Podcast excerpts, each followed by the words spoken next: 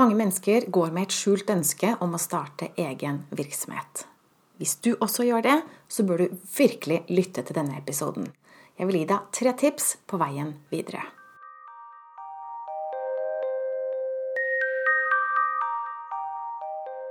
Jeg heter Line Strandvik og jobber online som personlig veileder for deg som ønsker å finne tilbake til den ekte deg. Jeg har hørt flere ganger i det siste Jeg har alltid ønska meg egen virksomhet, men jeg får ikke helt tak i hva jeg skal jobbe med. Og det kjenner jeg så godt igjen. Fordi sånn hadde jeg det lenge. Jeg hadde også lenge lyst til å drive egen virksomhet, nesten fra jeg var barna. Men den drømmen, den kom og gikk litt, fordi det virker jo litt vanskelig. Men så er det sånn, da, at sånn indre tankevirksomhet, indre uro, indre grubling Det er ikke bare støy som skal fjernes med et glass vin eller tre, eller ved å jobbe det bort. Nei, slikt indre ubehag, det har til hensikt å lede oss tilbake til riktig spor. Smerte og ubehag, det er føringer. Det er et dytt i riktig retning.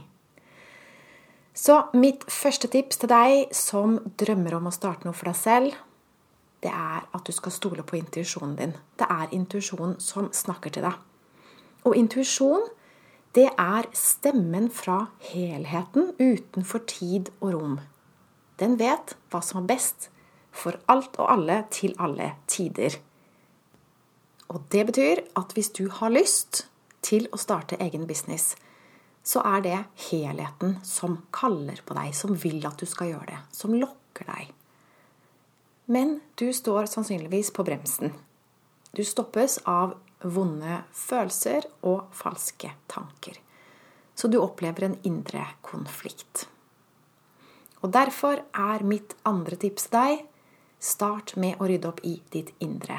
Gjør deg klar. Det er akkurat som hvis du skal gifte deg, så trenger du å fikse deg selv. Du trenger å ta på den flotte, hvite kjolen, hvis du er kvinne i hvert fall. Fikse håret, sminke deg. Gjøre det som skal til for at du føler deg klar og våger å møte opp i kirken med alles øyne mot deg. Og sånn er det litt når du skal starte firma òg. Du skal ut i verden med dine ideer, stå opp for deg selv, takle motstand. Så tips nummer to det er å rydde vekk gamle emosjonelle og mentale programmer som gjør deg svak og usikker. Vi har alle vår bagasje fra barndommen og fra oppveksten. Og den bagasjen kan vi ikke drasse med oss når vi skal drive egen business, for da det blir for tungt å bære på. Det går ikke. Og mitt tredje tips til deg det er å minne deg om at veien blir til mens du går. Det er ikke meninga du skal se klart hva du begir deg ut i, før du starter. Og det kan vi tro noen ganger, at vi ønsker å få full oversikt før vi våger. Men slik funker det ikke som gründer. Og da trenger vi mer indre sikkerhet for å kompensere for den ytre sikkerheten. For det å være ansatt og få en fast lønningssjekk hver måned, det er en ytre sikkerhet. Men skal det være gründer, så er det indre sikkerhet som gjelder. Se for deg at du skal gå over en plankebro. Du vet de der hengebroene som er bygd sammen av tre planker og henger sammen med tøv. Se for deg at det er tåke, så du ser ikke om alle plankene er der, eller om det er et stort hull på midten.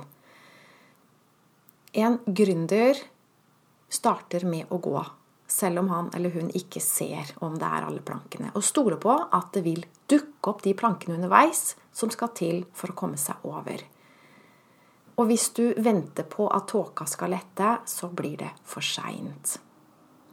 Og i virkeligheten så er det også slik at når du tråkker på trinn én, så er det din intensjon som skaper og bygger trinn to. Så det fins ikke der. Trinn to fins ikke før du tråkker på trinn én. Broa fins ikke før du begynner å gå på den. Den skapes av deg. Du er skaperen av ditt liv. Det fins ingenting før du skaper det. Broa fins ikke før du begynner å gå på den. Det her er en helt annen mentalitet enn det vi vanligvis er vant til. Så det krever sitt å starte noe helt nytt, og spesielt hvis du ikke vet helt hva du skal. Så det var de tre tipsene. Nummer én stol på intuisjonen. Det er meninga du skal gjøre det her. Tips nummer to det første du trenger å gjøre, er å rydde opp i ditt indre. Og tips nummer tre er å huske på at veien blir til mens du går. Du må bare ta ett skritt foran deg eh, dag for dag, og ikke vente at du skal få helt klarhet i alle detaljene. Du må bare starte et sted, rett og slett. Og dette med at mental helse er viktig når du driver business, det er det flere som har funnet ut av. Jeg har lyst til å dele et lydklipp med deg fra en podkast av Amy Porterfield, som er en av mine mentorer. Hun lagde en podkast som heter 'Lessons I've Learned That Will Save You Time, Money and Lots of Stress'. Her gir hun ni tips til hva hun ville gjort annerledes hvis hun skulle starta på nytt i dag. Og hun har holdt på i mange, mange år. Og så sier hun at det er et nytt punkt på denne lista, og det er å fokusere på mental helse. Hun skriver Taking care of your mental health should be in the top three things you do as an entrepreneur, starting from day one. When your mental health is shaky, everything else is too. Så det var min uh, engelsk her. Men du kan høre på her, ikke hele. Jeg skal bare dele et utklipp fra hennes podkast, og det kom her.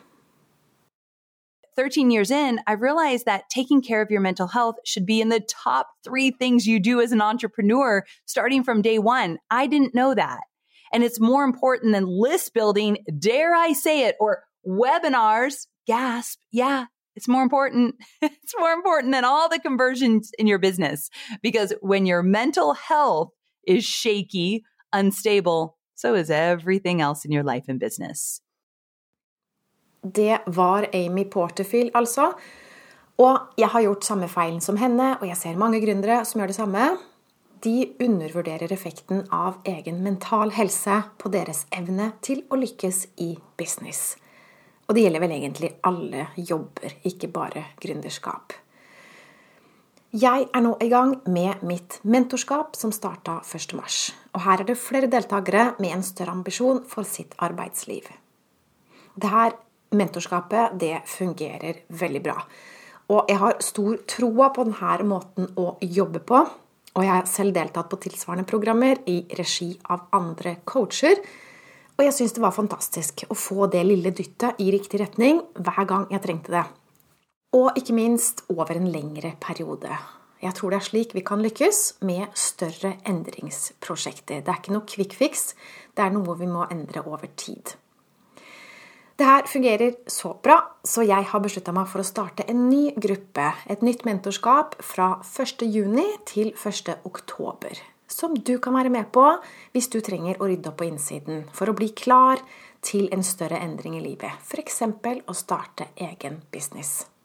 I mentorskapet mitt så får du hjelp til å identifisere og avinstallere gamle og ubrukelige indre programmer, emosjonelle, mentale programmer, ubevisste programmer, som holder deg nede. Og hvis du lurer på om det er for deg, så kan du bestille en 30 minutters gratis bli kjent-samtale med meg. Det foregår på Zoom, og den bestiller du fra websiden minlinestrandvik.no klarhet. For å lykkes i business så trenger vi indre ro. Det er en myte at indre ro gjør deg passiv og kjedelig som en munk. Sannheten er at det er indre uro som gjør deg passiv og kjedelig. Indre ro, derimot, det gir deg mental klarhet, nye ideer, og en ustoppelig energi.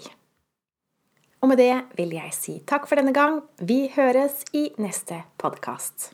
Ha det!